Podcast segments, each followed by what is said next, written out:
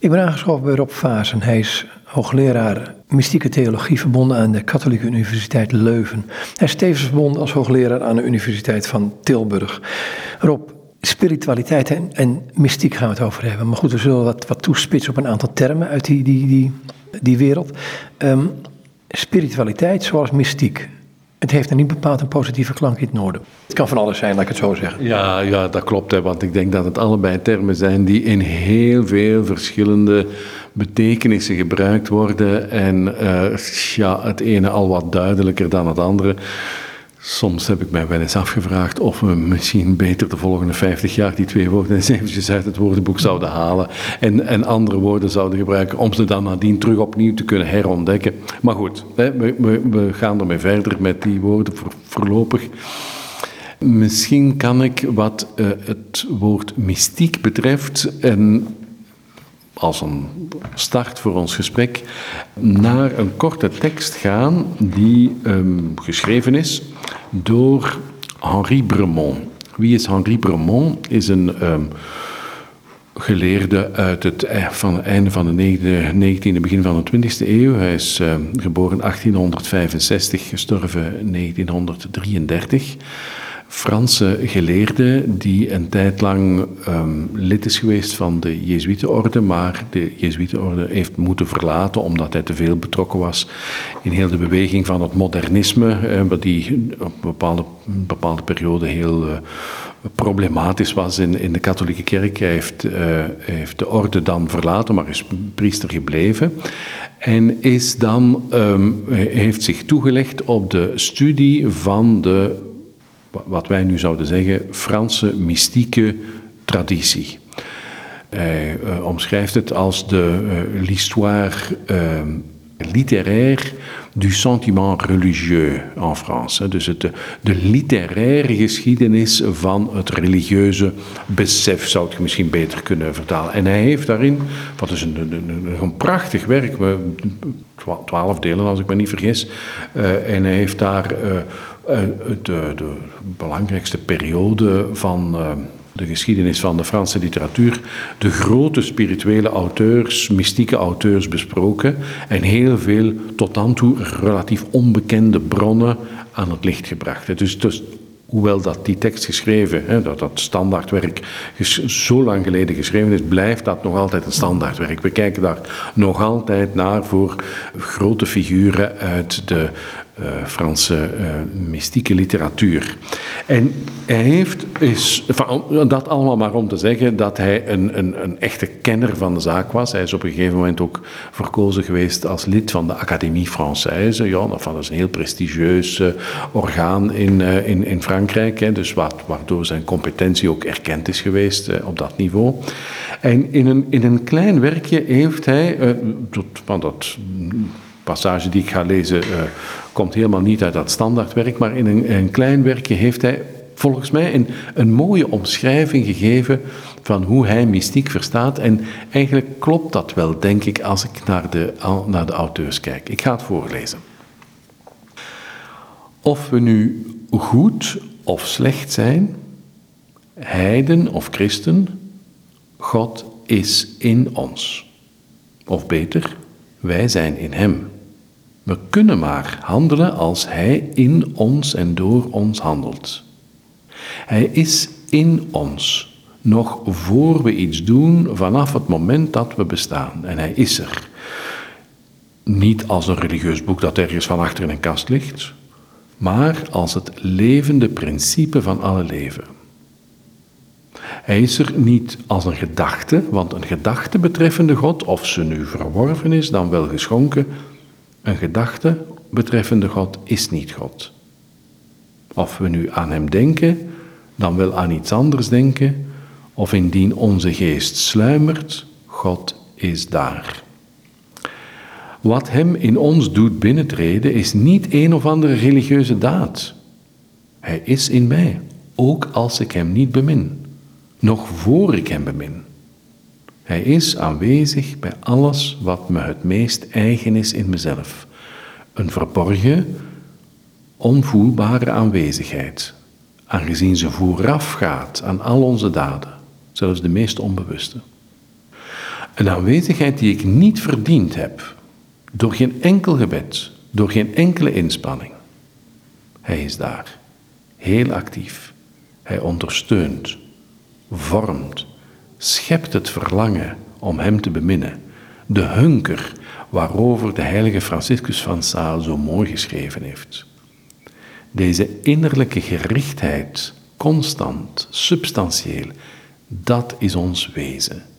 Noodzakelijkerwijs gericht op de aanwezige God door de aanwezige God. Welnu, een mens is mystiek wanneer er een bewustzijn ontstaat van Gods aanwezigheid in ons. Wanneer we in zekere zin zijn aanwezigheid in ons ervaren. Wanneer dat contact tussen God en ons, dat er altijd is en noodzakelijk is voor ons bestaan, wanneer dat contact voelbaar wordt. Wanneer het de kenmerken krijgt van een ontmoeting, van een omhelzing, van een overweldiging. Kijk, korte tekst. En ik moet zeggen, hij haalt hier op een vrij toegankelijke manier heel wat elementen aan voor, die, vind ik, heel nuttig zijn voor het goed begrip van mystiek.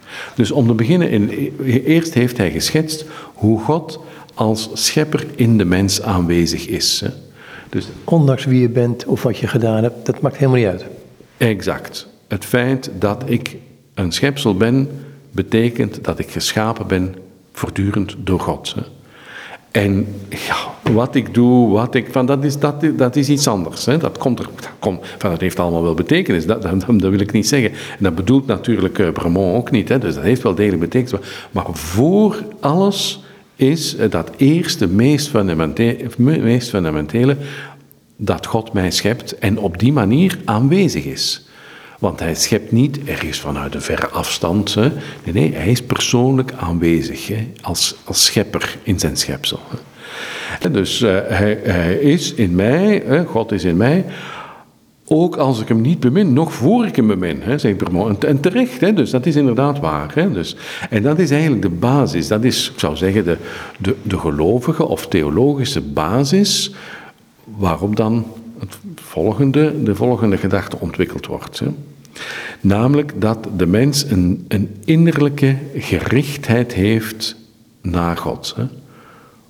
Waarom? Ah, omdat God als schepper in ons aanwezig is en we van nature gericht zijn op die, eh, op die oorsprong van, waar we voortdurend uit voortkomen, die, die bron waar, waar we voortdurend uit voortkomen. En daarvan zegt hij, kijk, die, die innerlijke gerichtheid, dat is ons wezen. Noodzakelijkerwijs gericht op de aanwezige God, door de aanwezige God. Het is mooi gezegd dat hij, ook door de aanwezige. We doen dat niet, we hebben dat zelf niet uitgevonden. Hè? Dus dat, ik, van, dat, is, dat is zo van die fundamentele inzichten die eigenlijk teruggaan op, op, uh, ja, op het Nieuwe Testament. Hè. Dus wij, beminnen niet omdat we dezelfde liefde uitgevonden hebben, maar omdat we bemind worden. Hè. Het is God die dat in ons veroorzaakt. Hè. En dan zegt hij, kijk, wanneer daar een mens daar nu een, een ervaarde, doorleefde bewustzijn van heeft, maar dat heeft lang niet iedereen en dat hoeft ook niet, maar als daar een bewustzijn van komt, dan kunnen we dat mystiek noemen. En ik denk dat is eigenlijk wel een goede manier om over mystiek te spreken. Met andere woorden, mystiek voegt niets toe dat er nog niet was, alsof dan God ineens op een heel andere manier aanwezig komt. Nee, nee, God is bij iedereen op, helemaal op dezelfde manier aanwezig als de liefhebbende bron waaruit uh, de mens geschapen wordt. Hè. Maar er kan soms bij mensen een bewustzijn van ontstaan. Hè. En laten we dat dan mystiek noemen. Van, dat is eigenlijk wat hij zegt. Hè. Dus dan, en hij zegt dat eigenlijk wel, hè, gaat, gaat nog een, een paar stapjes verder. Hè. Dus wanneer, we, wanneer het contact tussen God en ons, hè, zegt hij dat er trouwens altijd is en dat noodzakelijk is voor ons bestaan, wanneer dat voelbaar wordt en wanneer het de kenmerken krijgt van een ontmoeting, van een omhelzing, van een overweldiging. Dat zijn inderdaad termen die thuis horen in de mystieke traditie. Hè. Dus niet alleen ontmoeting, maar ook omhelzing. Ja, van, dat is de, de, de de, de spiritualiteit van de 12e, 13e eeuw, hè, ook bij Ruusbroek, en, en van een overweldiging. Hè, dus dat is die heel intense eh, passages die we ook vinden bij Teresa van Avila of Johannes van het Kruis. Hè. Dus korte passage waar zo'n paar uh, kerngedachten in uh, gegeven worden. Dit is mystiek. Um, ligt mystiek dan ook in het verlengde van wat in Johannes 14 staat? als je ons lief hebt, zullen wij bij je of in je komen wonen? Ja, ja, ja, ja zeker. Ja, ja. Dat is eigenlijk eh, van de, we raken hier eh, een van de meest fundamentele eh, principes van, van, de, van de christelijke spirituele mystieke literatuur, hè, namelijk de wederzijdse liefde tussen God en mensen. We zou kunnen zeggen, ook de, de, de grote zondaar is in God, want hij, hij kan niet bestaan zonder, zonder de scheppende God. Maar het, er is geen echte ontmoeting, er is geen echte wederzijdse uh, relatie. Terwijl de mens daar wel voor geschapen is. Hè. En dus daar, uh, ja, wie, de mens die begint God lief te hebben, die nadert eh, de bedoeling waarvoor het eigenlijk allemaal ja, bestemd was. Hè? Dus het hele leven waarvoor de mens geschapen is. Hè? Waarom hebben wij de neiging zo afwijzend, afwijzend tegen Gods liefde te staan? Dat is een, een mysterie wat zelfs in de, in de Bijbel niet echt opgelost wordt. Hè? Wanneer we kijken naar, uh, naar het verhaal van de zondeval, want dat is eigenlijk de afwijzing van God. Dat, eigenlijk komt het daarop neer. En um, de vraag is dan, ja maar hoe zijn onze, voor, onze voorouders, Adam en Eva, dat, dat, dat, zijn, dat, zijn, dat is de mens. Hè, uh, hoe, hoe komt het toch dat dat in, in ons zit? Hè? En het antwoord dat het Bijbelse verhaal geeft is dat het dat, niet dat we daar zelf de oorsprong van zijn. Want het komt van elders. Hè? Het is iets wat de slang influistert. Hè? Maar waar de mens toch een zekere instemming aan geeft. Hè?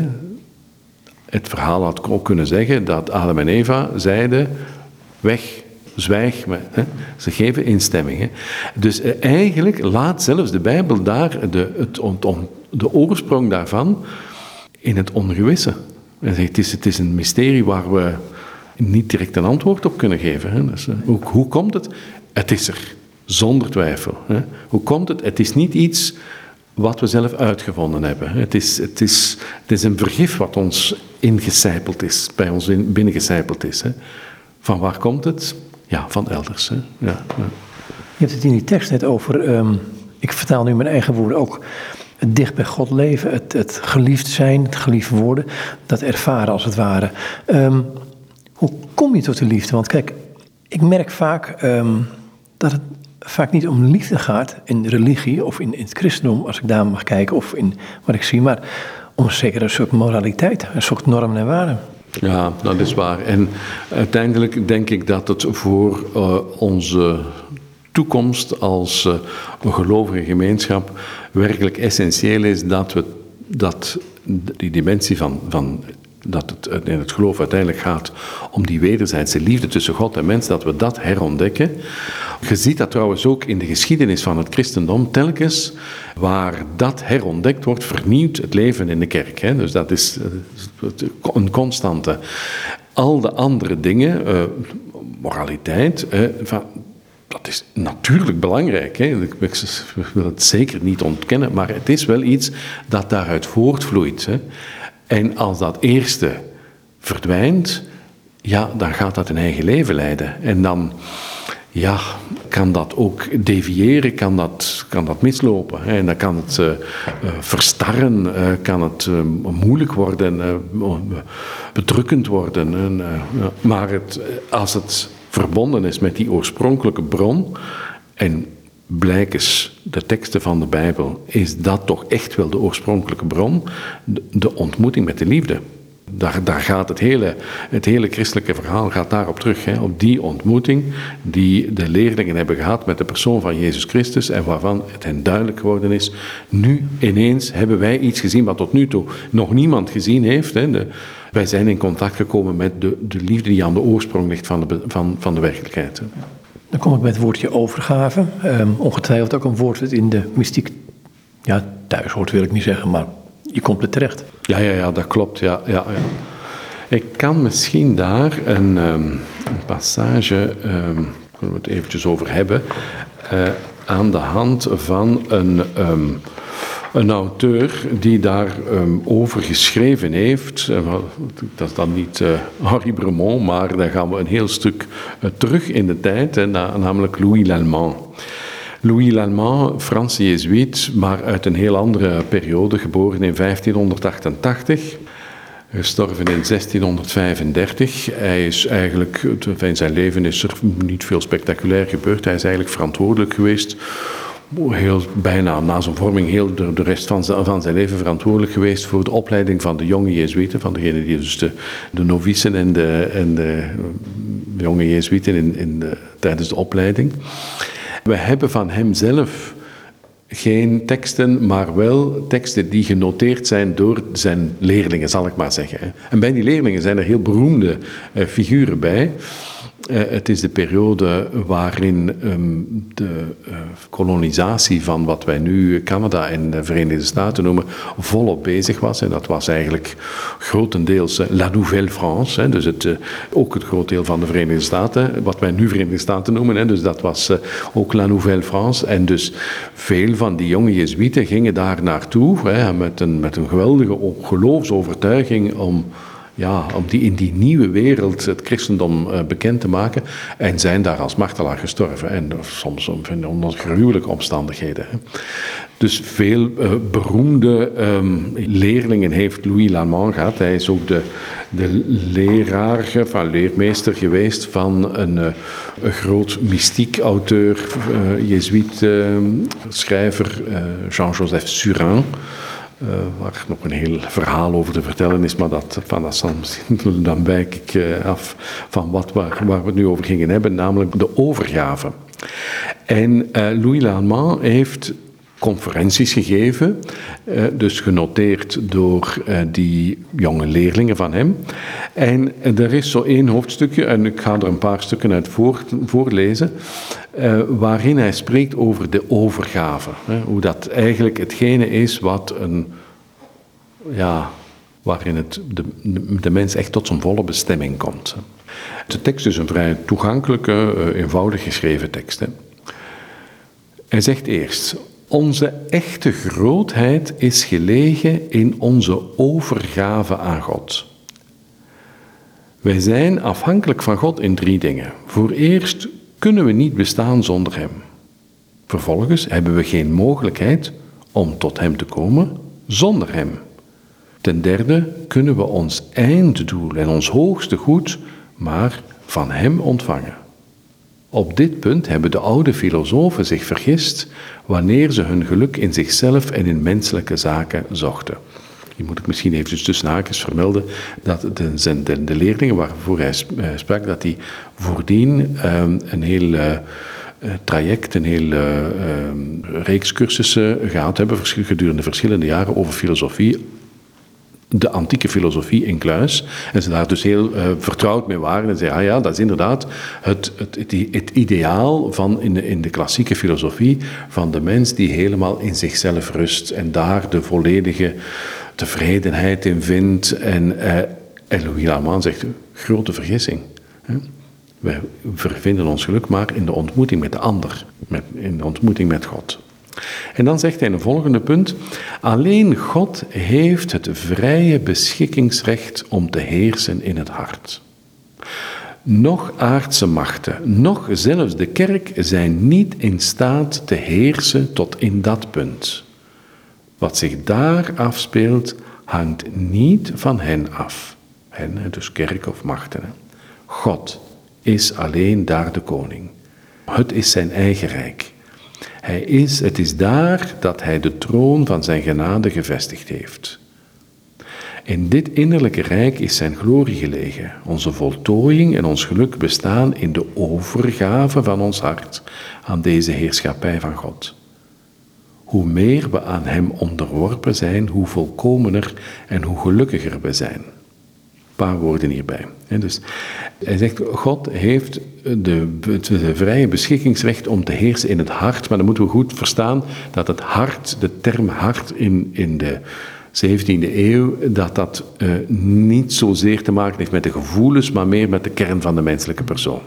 God, en, dat, hè, en hij zegt, de aardse machten, zelfs de kerk, zijn niet in staat te heersen tot in dat punt. Dat, diepste punt van de mens. Hè. Dat is alleen voor God. Tussen haakjes gezegd wel een, een opmerkelijk, hè, dat is dat de, de, verantwoordelijke voor de vorming in de Jezuïtenorde, en de Jezuïtenorde wordt toch heel dikwijls geassocieerd met de, de, de, de katholieke contra-reformatie, maar dat ook hij dat zegt. Hè. Dus nee, nee, nee, dat, is dat, daar, dat diepste punt, daar kan niemand komen, alleen God. Hè. Wat zich daar afspeelt, hangt niet van, van hen af, daar, God is daar de koning. En dan dat hij zegt, hè, hoe meer het is ons, ons geluk bestaat in de onderwerping aan God. En natuurlijk voor de hedendaagse lezer, verschrikkelijk onderwerping. Wat met de autonomie van de mens. En maar het is natuurlijk in een, een liefdesgave waar hij het over heeft. Hè. Het, is, het is niet een soort slaafse onderwerping om, om van waar, die, waarbij de mens vervreemd wordt van zichzelf, maar het is in tegendeel een, een liefdesonderwerping, een overgave waarbij de mens zegt, u wil geschieden. Niet mijn wil, maar u wil geschieden. Hè. En dan komen we heel dicht bij de attitude van Jezus, hè, die, die dat zegt. Hè. En dan zegt hij van het volgende, de volgende paragraaf: Gods zaligheid bestaat in de omgang met de harten. Daar is de plek van zijn rust. En omgekeerd is God alleen het centrum van de harten. En ze zouden alleen in God moeten rusten en geen enkele beweging hebben dan alleen voor God. Gelukkig het innerlijk leven dat alleen God leeft in de harten en maakt dat de harten alleen voor God leven en alleen God smaken. Gelukkig het leven van het hart waarin God heerst en dat Hij volledig bezit. Een leven van liefde, heilige vrijheid. Een leven dat maakt dat het hart in de heerschappij van God zijn vreugde vindt, zijn vrede, het echte genot, de glorie, de duurzame grootsheid, bezittingen, rijkdommen die de wereld niet kan geven of wegnemen. Ik denk dat de eerste zin eh, cruciaal is, hè, dus dat hij zegt, Gods zaligheid bestaat in de omgang met de harten, van een beetje een vreemde manier om zeggen, maar dus met de mensen. Dus dat het voor God een groot geluk is om bij de mens te zijn. Hè. Een soort besef van, hè, waar, waar uh, Louis Lama aan naar verwijst, een besef van hoe kostbaar mensen zijn voor God en hoe belangrijk het is voor God om bij de mens te zijn en de, de deur van het hart geopend te zien. Hè. En, en, hij zegt, dat, dat is de plek van zijn rust. Hè. Wij denken altijd in de lijn van, van Augustinus, ons hart rust maar bij God. Hè. En hier draait hij het eigenlijk om. Hij zegt, en, en God vindt zijn rust bij ons. Hè. Want zo heeft hij de mens geschapen. Hè. En dan is natuurlijk dat die de overgave aan God, is een leven van, van, van liefde en heilige vrijheid, zoals hij zegt. Dat, dat zijn vreugde daarin vindt, vrede, het echte genot, glorie, enzovoort, enzovoort. En dan de laatste paragraaf, hij zegt dan, we stellen ons voor dat men een triest en miserabel leven leidt wanneer men zich toelegt op inkeer en innerlijk leven. Het tegendeel is waar. Het geluk, zelfs hier op aarde, bestaat erin God te bezitten. Hoe meer we onszelf verloochenen om ons met God te verenigen, hoe meer we ophouden om ellendig te zijn en gelukkig worden. Maar de duivel doet zijn voordeel met onze onwetendheid en onze zwakheid, om ons in blijvende fouten en ziekte onder te dompelen. Het is eigenlijk, we stellen ons voor dat men een triest en miserabel leven leidt wanneer men zich toelegt op de inkeer. Oh ja, dat moet zo saai zijn. triest. ja, ik, kan het heel goed voorstellen dat mensen zeggen het is gewoon eh, saai. Ik, ik, is misschien uit mijn eigen leven een gek stukje. Um, openbaring 4. Hè, dan wordt door de dieren rond de troon gezet heilig, heilig, heilig. En dan vallen de 24 oudsten voorover en aanbidden God. Ik heb het heel vaak gelezen. Goeiedag zeg. Toen ik op een gegeven moment even iets proefde ervan. En dacht ik, ja, iets moois moet er niet zijn. Dat klopt, hè? Dat klopt, ja, ja. ja. want dat is, dat is het inderdaad wat, wat hij hier ook zegt. Hè? Dus het tegendeel is waar. Het geluk, zelfs hier op aarde, bestaat er in God te bezitten. Hoe meer we ons verloochenen om ons met God te verenigen. Met andere woorden, hoe meer er een echte wederzijdse liefde ontstaat met, met ja, God, de schepper van hemel en aarde. Hè?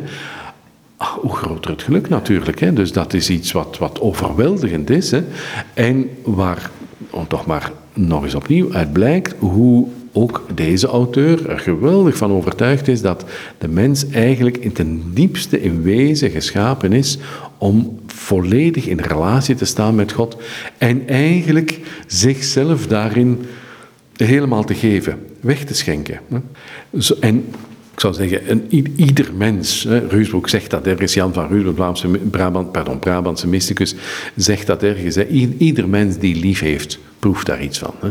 Dus hè, ieder mens die ooit eens een ander mens bemind heeft, of die weet wat liefde is, weet dat dat iets is wat de mens gelukkig maakt. Hè.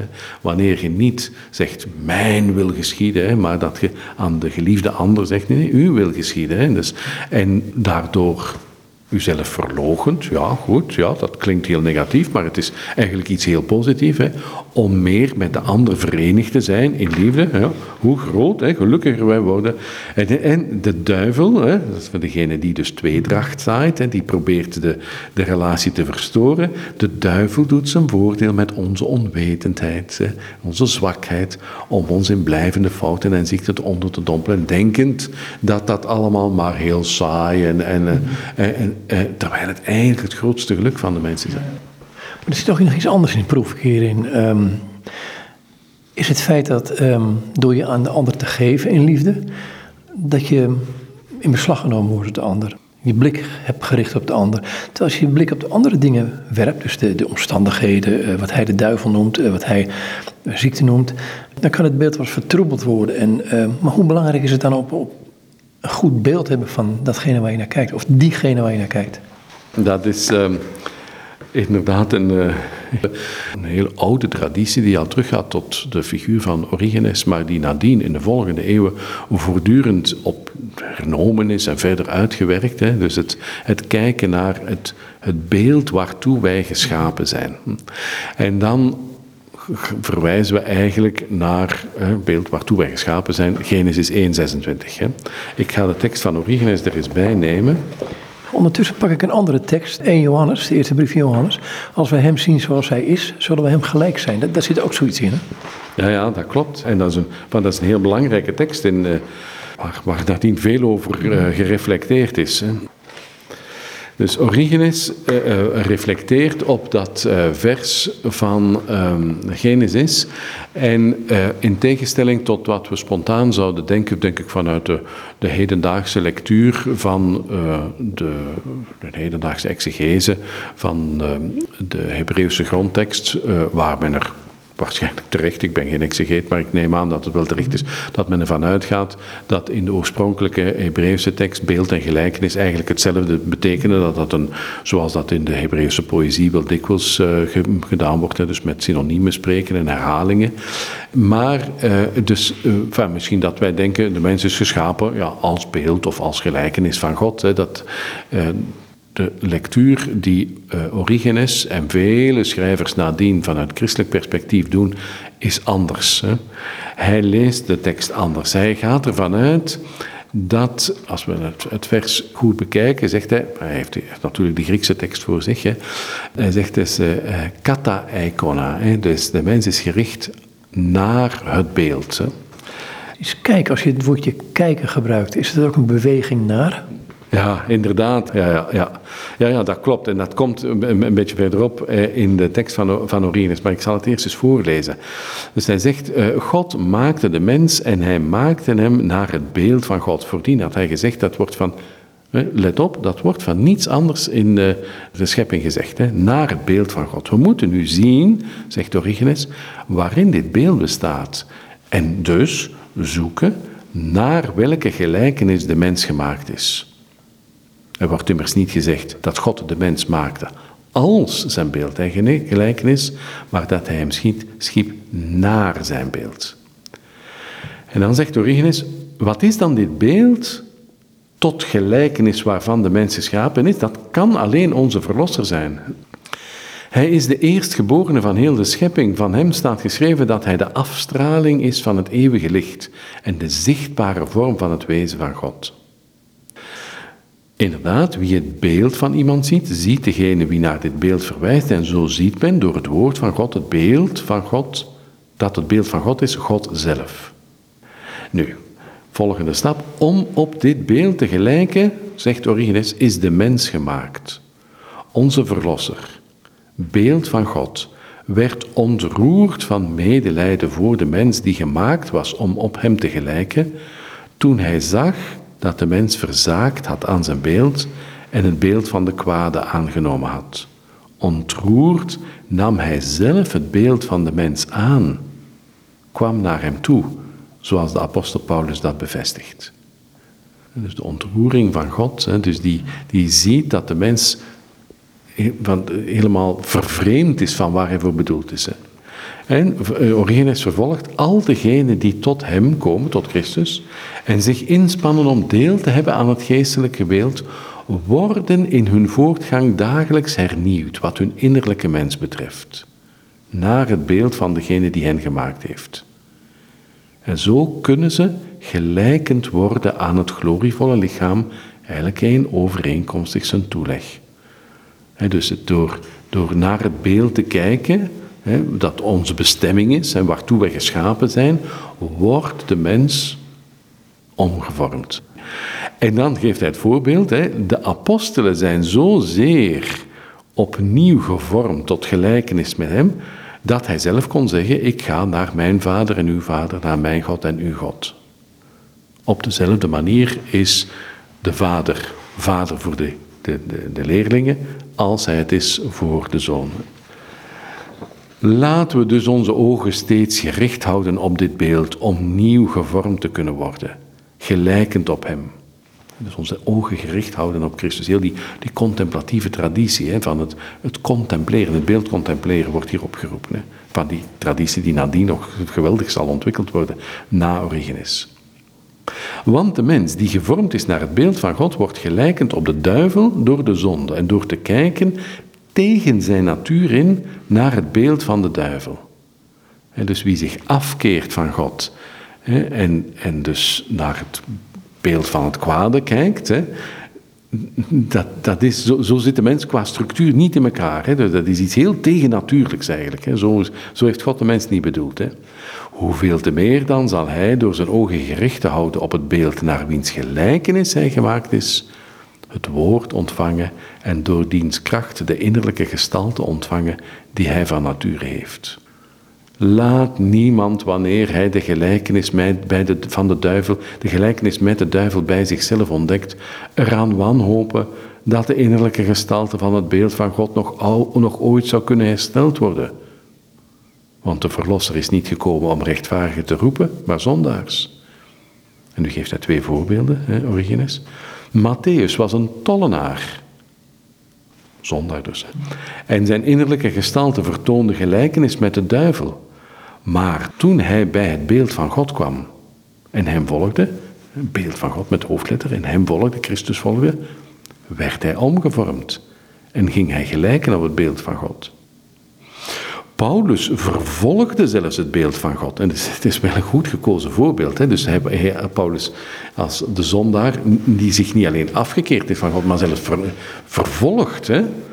Maar toen hij er de schitterende schoonheid van zag, werd hij door die aanblik zodanig omgevormd dat hij kon zeggen, verlangt het bewijs dat Christus in mij spreekt. En dus later is Paulus zo omgevormd dat hij kan zeggen, maar Christus spreekt in mij. Hè? Dus, uh. Dus een, uh, de, die thematiek van, de, van het, het, kijken naar het beeld van God, hè, het ene beeld van God, erdoor omgevormd worden. Hè, dus wat eigenlijk impliceert een in contact komen. Hè, en, en, en in zekere zin een, een bekering, een ommekeer. Hè, dus niet meer zich wegkeren van God, maar zich naar God toekeren. En dan gebeurt er iets hè, waarbij God eigenlijk de grote actor is, hè, degene die, die aan het werk is hè, en die de mens omvormt. En we, hebben daar, enfin, Origenes geeft er een paar prachtige voorbeelden van. Hè, dus, uh... um, als ik even terug ga naar het begin, de eerste tekst die je las, dan ging het over een omhelzing van God, een intimiteit. Um, dat kan heel erg op jezelf zijn bijna. Als ik het zo zeg. Ja, dat klopt. Ik, ik denk dat in het, het, hedendaagse, uh, in de hedendaagse literatuur en hedendaagse uh, lezer spontaan denkt bij innerlijkheid of intimiteit, uh, van de, de, geestelijke intimiteit, aan een soort narcisme. Met, met zichzelf bezig zijn. Het punt is nu dat in de christelijke spiritualiteit dit helemaal niet het geval is. Juist andersom. Hè. Maar daarvoor moeten we natuurlijk beseffen dat het een, een ontmoeting is met God die niet exterieur is aan de mens, maar in de mens aanwezig is als scheppende God. En dat dus, dus het in zichzelf, de innerlijkheid, het, of het uh, tot zichzelf komen, uh, van eigenlijk eerder is tot de ontmoeting met de ander komen. Hè. In, het, in het diepste wezen van de mens speelt er zich een ontmoeting af met een ander. Iets waar wij als hedendaagse, in onze, onze spontane vooronderstellingen helemaal niet aan denken. Hè. Dus wij, wij denken de mens is een, is een afgesloten ikje. Hè. En innerlijkheid is dan ja, met bezig zijn met het ik. Hè. Terwijl, vooral jezelf zijn. En jezelf zijn, ja, en tot jezelf komen. En, enfin, heel, heel die, die, die termen die we, enfin, de reeks van termen die we daarvoor hebben. En dat is um, in de, de christelijke literatuur, de eeuwenoude literatuur, is dat eh, helemaal niet het geval. Hè. Dus waar men over spreekt bij innerlijkheid is eigenlijk over de ontmoeting met de ander, die een, spectaculaire ontmoeting is. Ik kan daar misschien een voorbeeld van geven aan de hand van een tekst, een heel beroemde tekst van een van de kerkvaders, Gregorius van Nyssa, Cappadociër, uit vierde eeuw, geboren, ja, we weten niet zeker, omstreeks het jaar 335, 340 en overleden in 394. Hè, eh, bisschop van Nyssa, de jongere broer van Basilius de Grote, hè, dus een bekende figuren in de, uit die periode. Hè, Gregorius, eh, Basilius en, de, en, hun vriend Gregorius van Nazianze hebben ook heel veel bijgedragen tot de ontwikkeling van het reflecteren over de Triniteit en het beter verstaan van, van de juiste termen vinden voor het goede verstaan van, de, eh, van de Triniteit. Maar Gregorius van Nyssa heeft ook een, een heel bekend boek geschreven het, eh, met dat, dat de titel draagt Het leven van Mozes. En hij overloopt het leven van Mozes, uh, hij, hij, hij, hervertelt het leven van Mozes als een soort type figuur van de contemplatief. Van, wij zouden zeggen van de mysticus. Hè. En uh, de passage die ik er wil, wil uithalen uh, is uh, genomen uit, van de passage in het, het, leven van Mozes, waar het gaat over het ontvangen van de wet op de berg. Hè. En hij beschrijft dat als volgt. Gregorius begint met al de elementen uit de Bijbel gewoon nog eens te parafraseren. Dus, eh, hij voegt er eigenlijk weinig uh, toe. Het is, uh, wat, in Exodus 19 en 20 gezegd wordt, dat vat hij hier samen.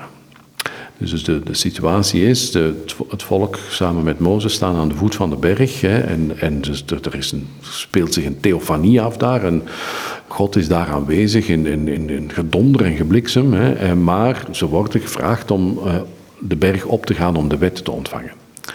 Toen werd het zwevende licht, zojuist nog helder stralend, bezwangerd met duisternis, zodat de berg onzichtbaar werd, aan alle kanten omringd met duisternis. Vuur dat uit het duister zichtbaar werd, bood een huiveringwekkende aanblik en omsloot heel de omtrek van de berg, zodat alles wat door deze bewegende vuurkring zichtbaar werd, vervuld werd van rook geweldig onweer dat zich uh, voltrekt daar. Hè. Mozes leidde het volk bij de bestijging. Ook hij was angstig bij dit schouwspel. En zijn ziel kromp ineen van vrees en zijn lichaam beefde van angst. Zijn emotie bleef niet verborgen voor de Israëlieten. Het volk in zijn geheel was niet in staat hetgeen verschenen en gehoord werd te verdragen. Daarom richtten ze gezamenlijk tot Mozes het verzoek als hun bemiddelaar bij het ontvangen van de wet op te treden. Het volk zei er niet aan te zullen twijfelen dat hetgeen hij zou verordenen van Gods wegen zou zijn, overeenkomstig het onderricht dat hem van boven zou gegeven worden. Allen daalden dus weer af naar de voet van de berg en Mozes bleef alleen achter. Zijn houding was volkomen tegenovergesteld aan wat men zou verwachten. Want wanneer anderen weer moed hebben wanneer ze samen geconfronteerd worden met huiveringwekkende verschijnselen, was Mozes juist moediger wanneer hij zonder zijn metgezellen was.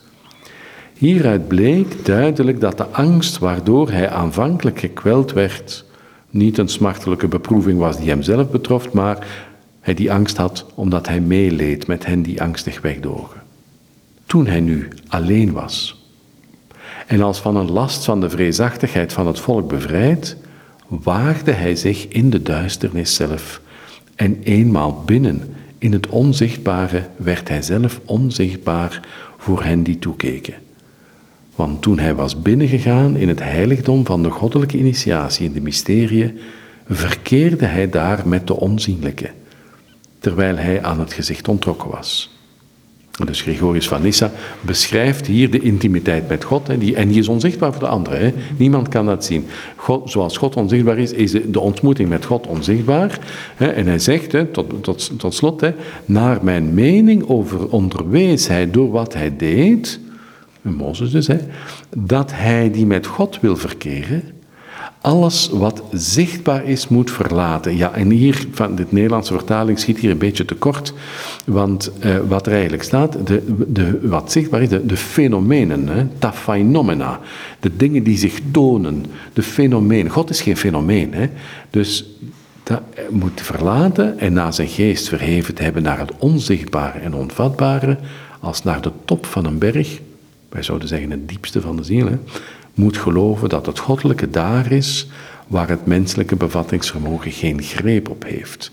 Het is niet de dingen die ik, die ik in, in, mijn greep heb, maar de ontmoeting die geschonken wordt daar, in die intimiteit. En dit is dus wel degelijk intimiteit in de zin van de ontmoeting met de ander. De overweldigende ander, die, die vreeswekkend is, maar die tegelijkertijd ook heel vertrouwd kan zijn voor degene die daartoe uh, nadert. Zijn we dan misschien ga ik nu te snel of helemaal niet snel. Zijn we dan uh, in die ontmoeting met God gegeven door Hem? Dus dat is eigenlijk, Gregorius beschrijft dat hier nu niet in de passage die we gelezen hebben, maar dat is iets wat verschillende uh, geestelijke schrijvers inderdaad aangeven. Dat is precies de ontdekking die de mens doet in die ontmoeting, in die, in die intimiteit ik heb mezelf niet gemaakt, maar hij heeft mij gemaakt en maakt me ieder, ieder, iedere seconde, iedere fractie van een seconde opnieuw. En zo ben ik door hem gegeven en behoor ik hem toe. En ben ik ook veilig in hem. Hè? Dus ik heb, van, er is niks te vrezen, want ik ben in God en, en dankzij God hè, ben ik er. Hè? Ik ben... Uh, vorig jaar, dit jaar is het, is het me niet gelukt om naar Italië te gaan, maar vorig jaar was ik in, uh, in Assisi. En uh, we kunnen de, de, de, plek nog zien waar de heilige Clara uh, gewoond heeft in uh, het kerkje, in het, het, klooster, gebouwd door eh, Franciscus van Assisi, hè, de San Damiano. En er, je kunt ook de plek zien waar ze gestorven is. Hè. Dat is van, een heel, heel simpele, arme plek. Hè. Dat, was eh, bij wijze van spreken op, op de grond lag of in, in, in, in de slaapzaal. En daar staat bijgeschreven ook wat de, de, laatste woorden zijn die Clara gezegd heeft vlak voor ze gestorven is. Hè. En dat is, hè, Heer, ik dank u dat u mij geschapen hebt.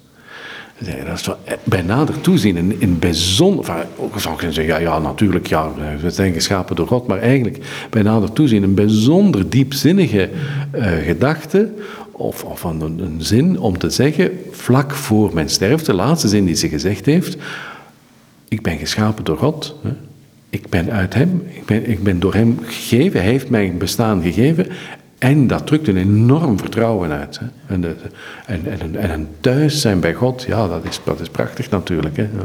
Hoe wordt, want je hebt het eerder gehad, dacht ik, in dit gesprek over die wederzijdsheid, die wederkerigheid. Um, hoe wordt het uitgedrukt in de mystiek, die wederkerigheid? Want ik heb het idee dat het heel vaak, misschien bijna altijd, maar niet helemaal, van één kant komt.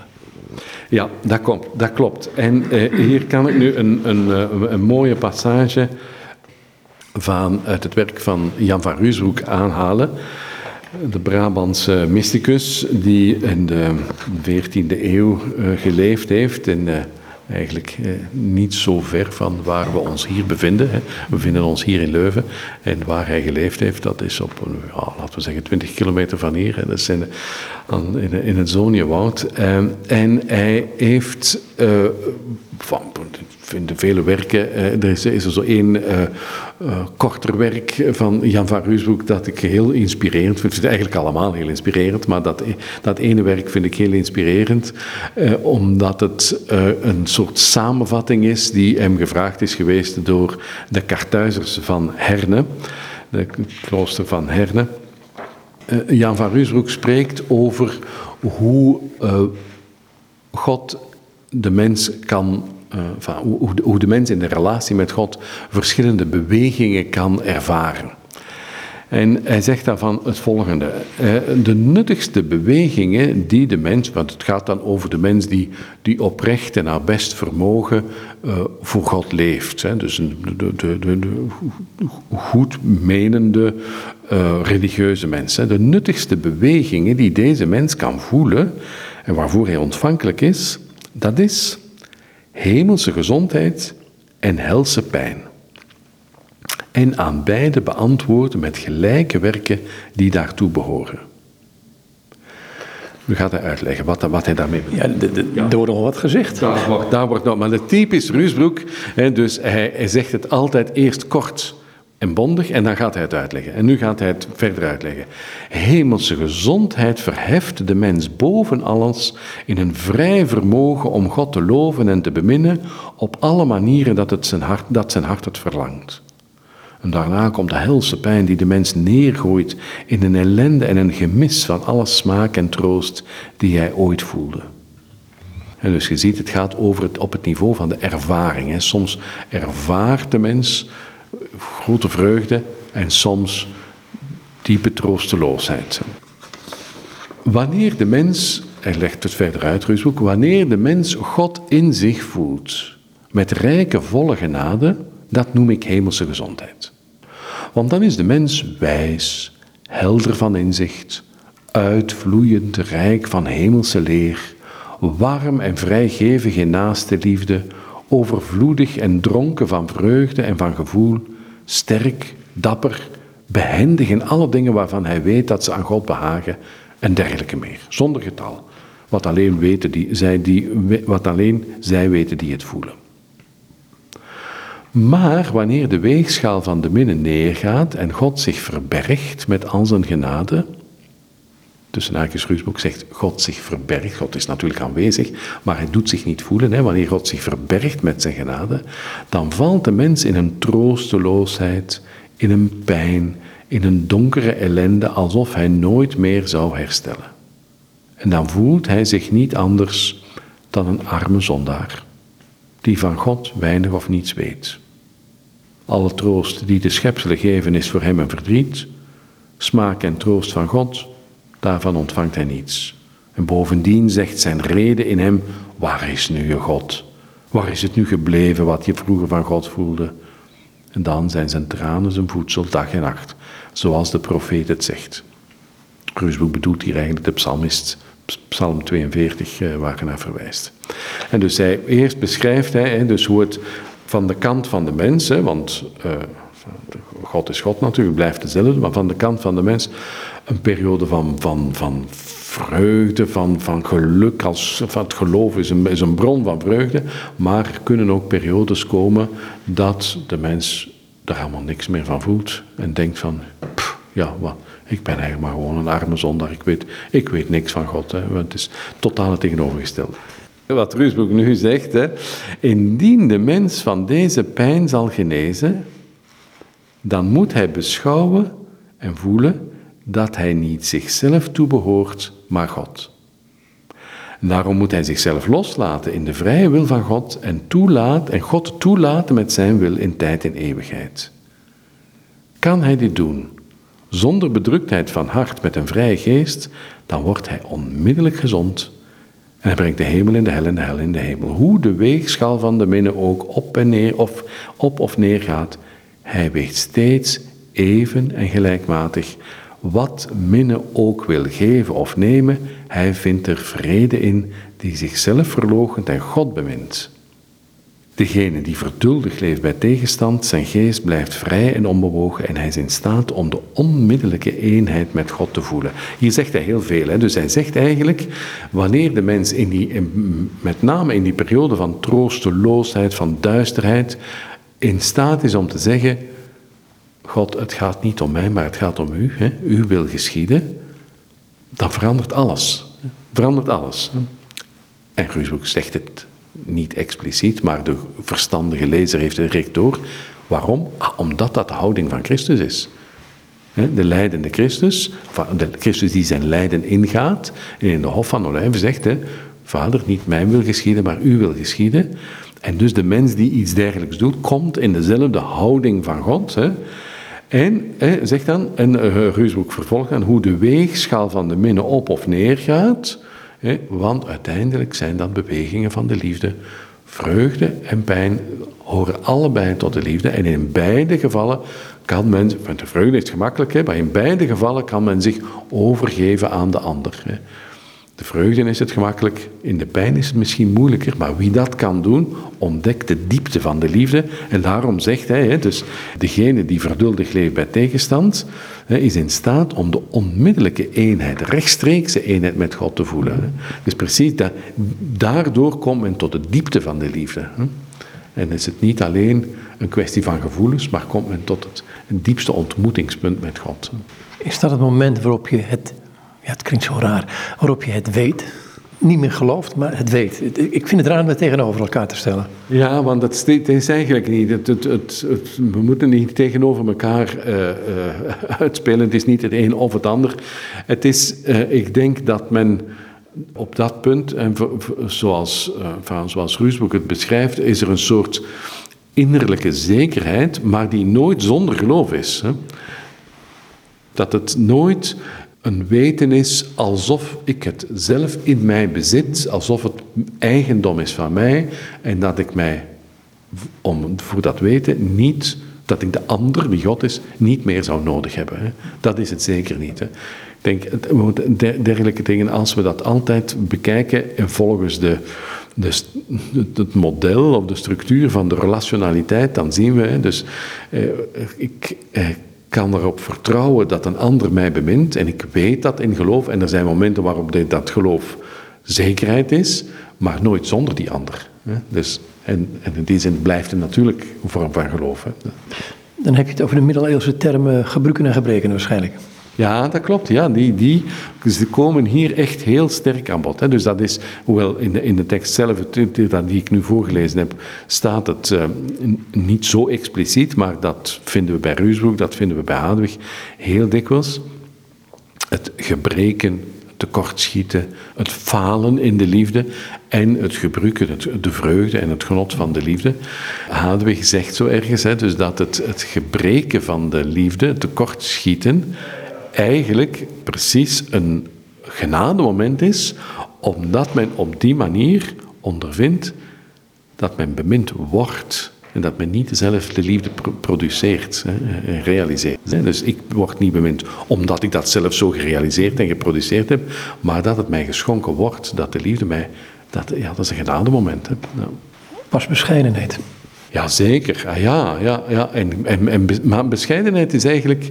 Uh, bescheidenheid kan uh, bijna negatieve attitude zijn, maar kan een hele rijke en volle en, en, en, en mooie attitude zijn, hè, waarbij men weet dat de ander zoveel belangrijker is en dat het, dat het juist zo is dat de liefde groeit. Hè. Dat, dat is die, die vorm van bescheidenheid zeker. Ja, ja. Ik wil naar één term gaan die misschien met dit hele gesprek niets te maken heeft, maar toch. Um, in een boekje wat je geschreven, een essay wat je geschreven hebt, wat uitgegeven bij uitgeverij Chibbollet, uh, Ontmoeting, daar heb je het over, op een gegeven moment over wij zijn relatie, er is een ontmoeting. En in die ontmoeting en, en in die intimiteit vind je dat al enigszins. Kan Rusbroek iets vertellen over het verdwalen in God? Ja, dat is juist. Ik heb de, de tekst hier nu niet uh, bij de hand, maar dat is een, uh, een prachtige passage die voorkomt in de kleine traktaat van de blinkende steen, eh, is de titel.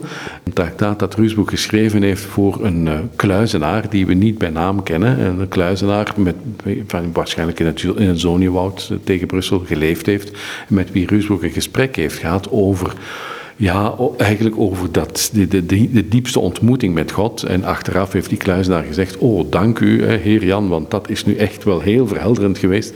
Kan u dat alstublieft opschrijven? En Goed, Reusbroek uh, werkt daarin uh, heel die, die gedachte uit van de ontmoeting met God, waarbij het een, een, een geweldige vreugde is om meer, dat de ander meer belang heeft voor mij dan ikzelf. Hè. Dus wie, wie zo lief heeft dat de ander, in dit geval de ander met hoofdletter, hè, met God, hè, belangrijker is dan wat ik weet of wat ik denk of wat ik voel, en die zich laat leiden door de ander, hè, die uh, ondervindt een ongelooflijk geluk. En hij gebruikt daarvoor het uh, beeld van het verdwalen in God. En ik vind dat het dat is een heel treffend beeld, omdat natuurlijk verdwalen in eerste instantie iets is waarvan de mensen, ja, als, dat doe ik niet graag, verdwalen. Hè? ik, ben, ik ben de weg kwijt, waar moet ik nu naartoe? Hè? Het verdwalen in God. Uh, uh, maar hij noemt het het gelukkige verdwalen in God. Hè? We moeten het trouwens zien, het, het Sonienwoud waar Ruusbroek uh, daar dat gesprek gehad heeft, was, was een, een, een groot woud, hè? veel groter dan het nu is, hè? waar geen netjes aangelegde wegen lagen zoals het nu is. En daar kon een mens ook echt wel degelijk in verdwalen. Hè? Maar het verdwalen in God is een verdwalen in de ander die men volledig vertrouwt.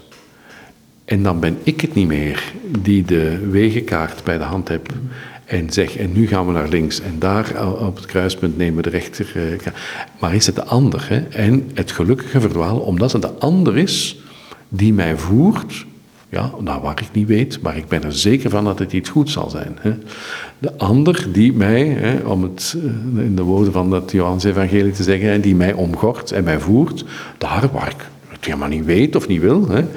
Maar het brengt mij tot het grote geluk puur op de ander te vertrouwen uit liefde verdwalen in. in uh, wij gebruiken nog veel andere beelden waarvan hij dan zegt: Kijk, ik gebruik die beelden om aan de contemplatieve mens duidelijk te maken wat, wat zijn beleving is. Dus dat is de, taak van de mystieke schrijver om verheldering te brengen. Om de dingen uit te schrijven zodanig dat de ander zegt: Ah ja, ja, inderdaad, dat klopt. Ja, zo heb ik het beleefd. Ja, ja. De moeite waard te lezen, denk ik. dat klopt, ja, ja. Het is een van de mooiste boeken die ik ken. Ja. ja. Goed, ik het hierbij laten. Hey, dankjewel. Graag gedaan. En dit is Rob Vazen. Hij is hoogleraar mystieke theologie aan de Katholieke Universiteit van Leuven. En hoogleraar verbonden aan de Universiteit van Tilburg. En met hem was ik in gesprek over mystiek. Althans, een aantal aspecten van de mystiek. Goed, nogmaals dus tot zover dit gesprek met Rob Vazen.